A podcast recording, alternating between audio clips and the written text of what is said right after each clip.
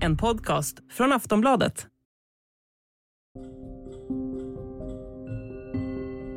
Om du ser mig, gråt. Så står det inristat på en av stenarna i floden Elbe. En hälsning från förr som nu är synlig eftersom vattennivån sjunkit så lågt. Inskriptionen tros vara från 1600-talet och syftar till att varna omvärlden om torkans konsekvenser. Om vattnet är så lågt att texten syns, ja då väntar hunger, dåliga skördar, matbrist och höga priser. Elbe, som rinner mellan Tjeckien och Tyskland, är inte den enda floden där vattennivån sjunkit rejält, utan det sker runt om i hela Europa.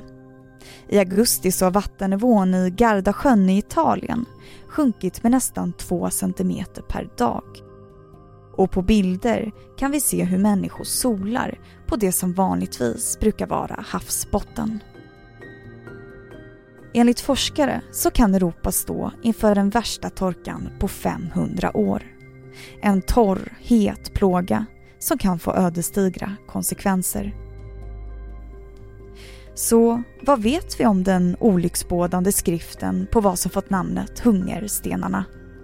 Vem eller vilka har ristat in texten? Varför sjunker vattennivåerna så mycket just nu? Och är det av samma anledning som i USA, där skelettdelar från människor nu visar sig när vattennivåerna drar sig undan i Lake Med i Las Vegas?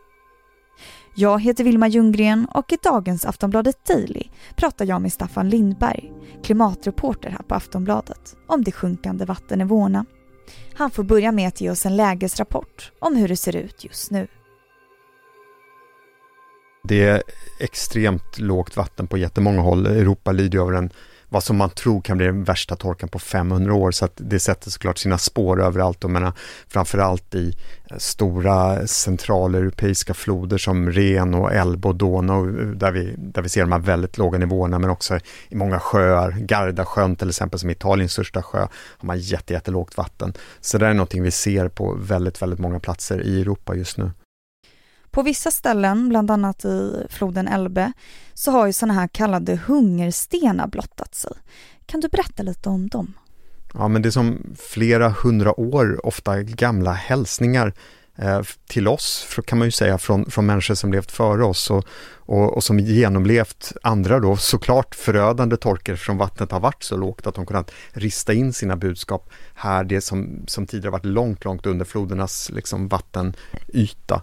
Eh, och, och, det finns bland annat, det är olika varningar, handlar om olika varningar, det finns bland annat en, en sten just i Elbe där, där budskapet är från 1600-talet står inristat om du ser mig, gråt. Och det är ju ett ganska kusligt budskap, men det handlar ju om att, att människor i alla tider har vetat vad, vad lite vatten betyder. Det betyder torka, missväxt och hunger, nöd.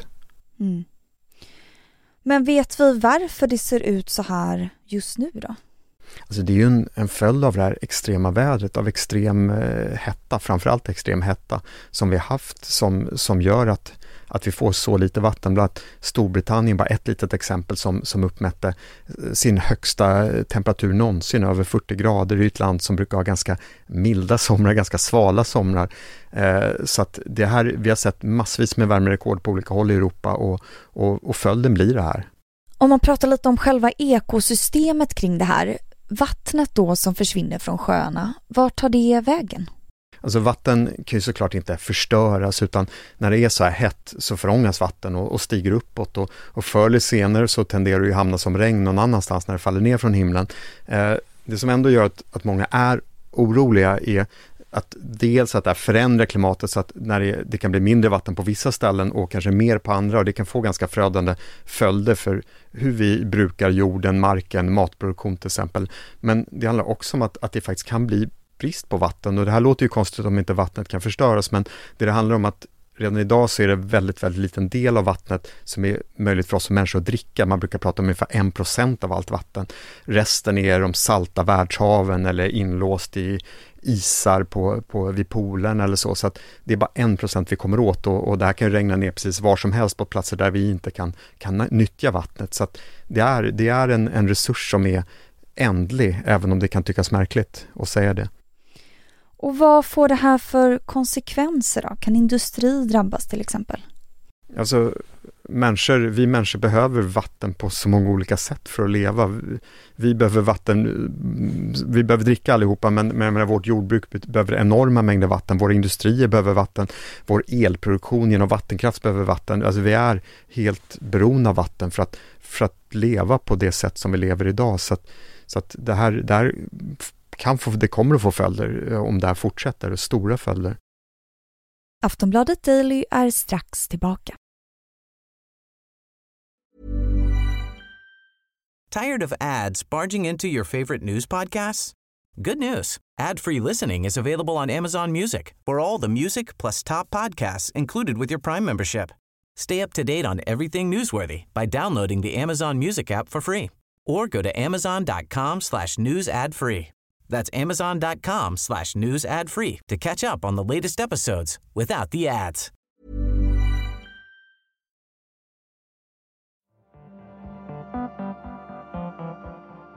Det är inte bara i Europa som vattennivåerna sjunker. Till exempel i Las Vegas har vattennivån i sjön Lake Mead sjunkit och likväl där dyker fyndigheter upp. Just nu håller polisen på att utreda de skelettrester från flera kroppar som uppenbarat sig när vattnet dragit sig undan. Och enligt NASA så var sjön endast fylld till 27 procent i juli. Sjunker vattnet där av samma anledning som här i Europa? Vi hör Staffan Lindberg igen. Alltså det, det, finns ju egentligen bara två skäl till att, att vattnet kan sjunka undan egentligen och det är ökad hetta eller, eller större torka, att det faller mindre vatten. Så att det är det det handlar om. Amerikanska myndigheter pekar ut klimatförändringarna som stort och, och klimatförändringar ger högre temperaturer och i många fall också mindre nederbörd över stora områden. Så att absolut. Och hur påverkar det här till exempel djur? Vi ser ju på många håll, vad, alltså djur är ju ännu mer utsatta för för, för förändringar. Vi människor kan ju ändå göra en del när det blir torka på olika sätt. Vi kan gå in i ett luftkonditionerat hus i, i en hetta eller, eller vi kan i någon mån transportera, leda av vatten och så. Det kan ju inte djuren och, och vi ser att jättemånga djur, både av hettan och av torka, mår jättedåligt. Vi såg de här nästan lite apokalyptiska scenerna från Indien som hade också en extrem torka i våras, eh, sent på våren, där, där fåglar föll ner från skyn. Därför att de är inte gjorda för de här temperaturerna och de är inte gjorda för, för den här torkan. Så att det, det kan bli stora följder. Vad kan det få för fler konsekvenser om det fortsätter på det här viset? Det beror ju på hur extrem, om man säger så, den här klimatkrisen som vi nu har gått in i kommer att bli. Hur extrem vi tillåter den att bli, skulle man kunna säga. Eh, om man kollar specifikt på vattnet så, så finns det ju en en självförstärkande effekt. När det blir ont om vatten på jorden så tvingas man på många håll att till exempel de floder som finns i torra delar på jorden så, så leder man av mycket mer vatten från de floderna uppströms, alltså högt upp i floderna, eh, vilket gör att de ännu mer torkar ut nedströms, det blir ännu värre för människor där.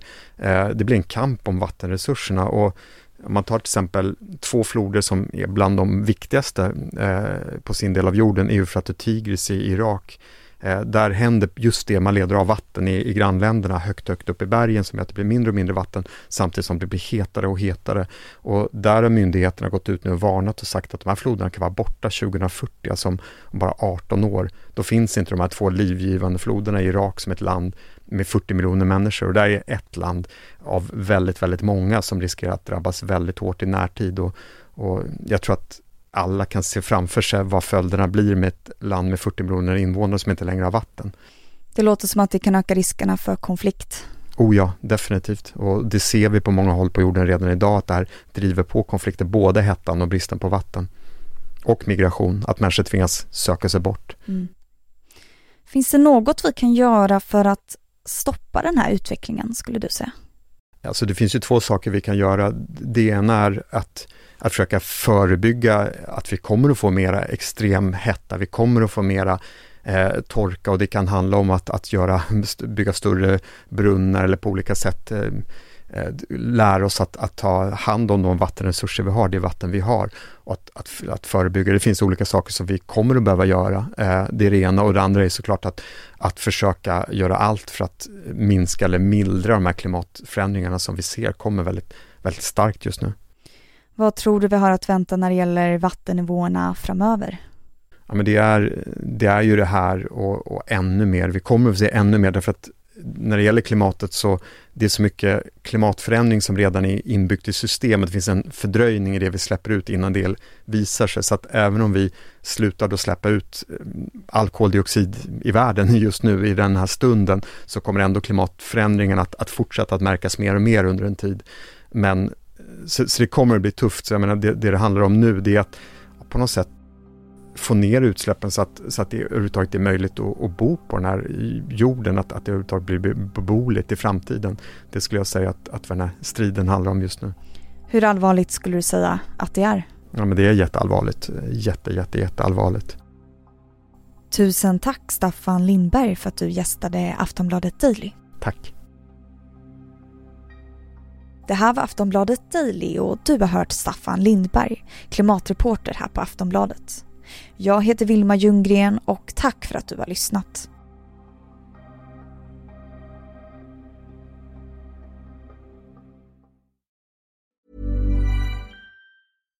Millions of people have lost weight with personalized plans from Noom.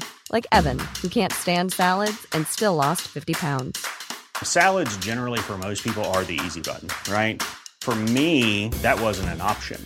I never really was a salad guy. That's just not who I am. But Noom worked for me.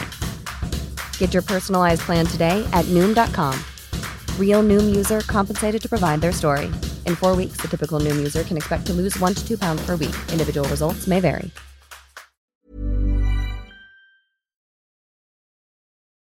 Du har lyssnat på en podcast från Aftonbladet. Ansvarig utgivare är Lena K Samuelsson. Tired of ads barging into your favorite news podcasts? Good news. Ad-free listening is available on Amazon Music for all the music plus top podcasts included with your Prime membership. Stay up to date on everything newsworthy by downloading the Amazon Music app for free or go to amazon.com slash news ad free. That's amazon.com slash news ad free to catch up on the latest episodes without the ads.